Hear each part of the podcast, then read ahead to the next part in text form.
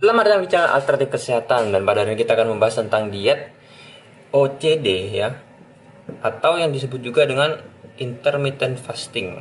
Nah, jadi untuk Anda yang ingin kurus ya, ada sebuah diet yang sangat terkenal ya.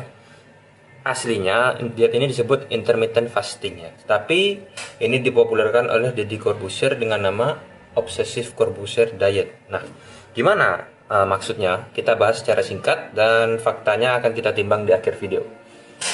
Nah, jadi intermittent fasting ini adalah maksudnya uh, ini ya kita tidur misalkan jam 10 sampai jam 5 pagi ya atau jam 4 pagi.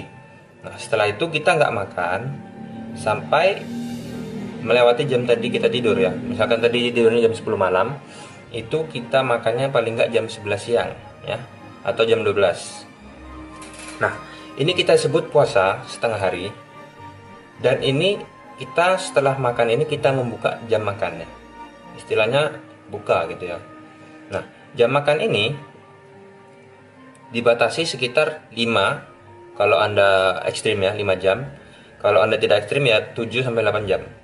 Nah, jadi jam 12 tadi makan, terakhir makan bisa jam 5, jam 6 atau jam 7 malam.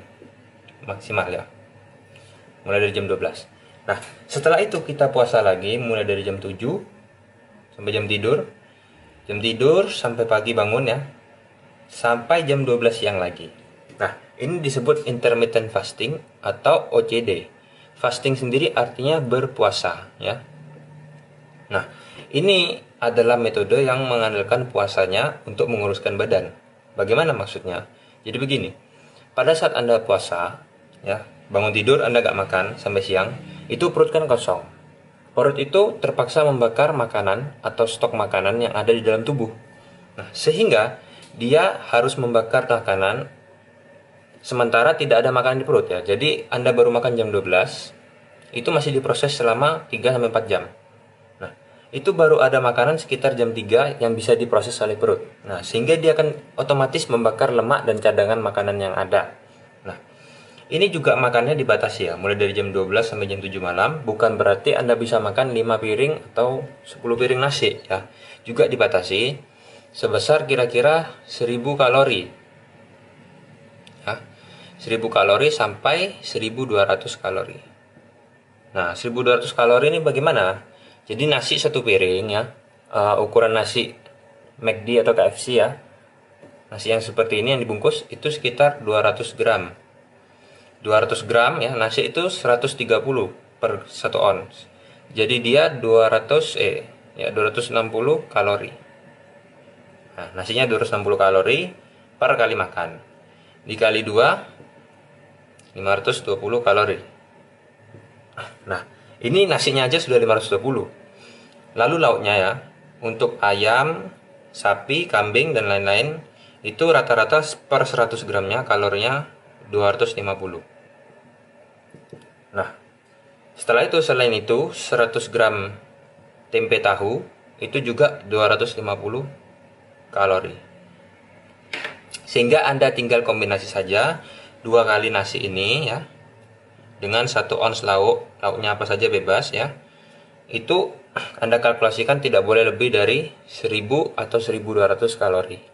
Kalau Anda ingin tahu makanan spesifik Anda kalorinya berapa, cek aja di Google. Hampir semua makanan ada di Google ya kalorinya. Nah, ini Anda boleh makan mulai dari jam 12 sampai jam 7 malam. Setelah itu Anda puasa lagi. Ya, Anda tidak makan sampai jam 12 siang lagi. Nah, ini sudah pernah saya coba ya. Jadi ini kan saya mempromosikan diet orang lain, bukan diet saya sendiri. Dan ini saya sudah pernah coba. Itu memang betul ya. Awal-awalnya tidak terlalu terasa pengurangan berat badan. Tetapi setelah hari ketiga, keempat, kelima, itu mulai uh, tiga hari itu bisa turun setengah kiloan ya tiga hari itu bisa setengah kiloan. Nah ini saya nggak tahu konsepnya gimana tapi yang jelas itu ya. Karena kalorinya kurang dan karena paginya puasa maka lebih banyak terbakar makanannya ya.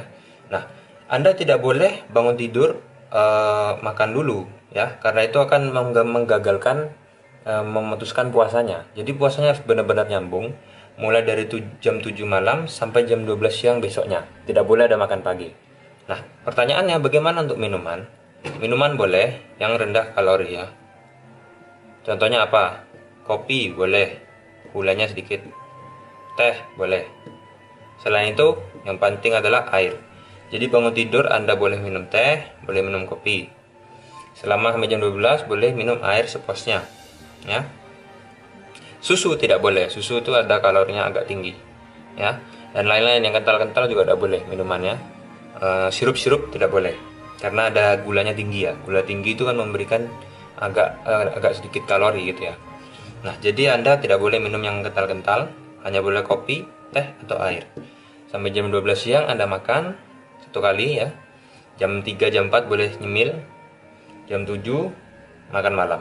Nah, ini dilakukan terus-menerus. Setelah tiga hari akan mulai terasa uh, pengurangan berat badannya.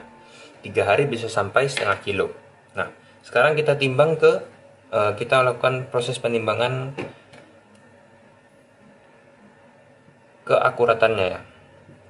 ya katakanlah ini timbangan. Nah, faktor yang pertama ini puasa. Puasa membakar kalori, masuk akal. Yang kedua, faktornya adalah makannya sedikit ya, kalori rendah. Ini menguruskan badan, masuk akal. Yang ketiga, eh, apa ya? Ya, yang ketiga saya sudah membuktikan sendiri ya. Jadi menurut saya ini sangat masuk akal. Nah, silakan Anda coba, boleh Anda coba sekarang. Nggak sulit ya, cuman Anda tidak boleh makan sampai jam 12. Itu kan kalau menahan makan pada saat siang itu lebih mudah daripada menahan makan saat jam 6 malam ke atas ya.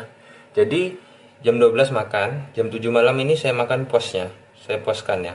Biasanya saya makan daging ayam 2 ons, 2 ons itu 500 kalori ya. Jadi tanpa nasi, tanpa apa-apa, 500 kalori. Sedangkan pagi saya makan bisanya ya bisanya nasi misalkan ya. E, 250 kalori tambah lauk, jadilah sekitar 375 kalori. Nyemilnya di sini sekitar 100 kalori atau 125. Nah, mie mie kuah ya atau mie goreng kalau Anda timbang 20 eh 50 gram mie kering ya, mie mentahnya itu 175 kalori. Jadi kalau Anda makan mie 25 gram itu kalorinya hanya 85-an ya, 90-an. Itu masih boleh buat nyemil ya mie.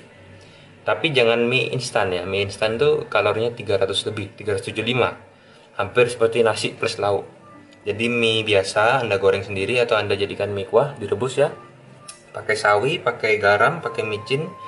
Nah, itu bisa sampai 150 kalori ya. Nah, ini sehari cuman 650 sekitar 1000 ya, 1000 lebih kalori sedikit. Nah, itu sangat bagus untuk diet, apalagi kalau ditambah dengan puasa, intermittent fasting atau OCD. Nah, demikian boleh Anda coba ya, semoga bisa bermanfaat. Jangan lupa untuk like, share, subscribe dan sampai jumpa di episode yang berikutnya.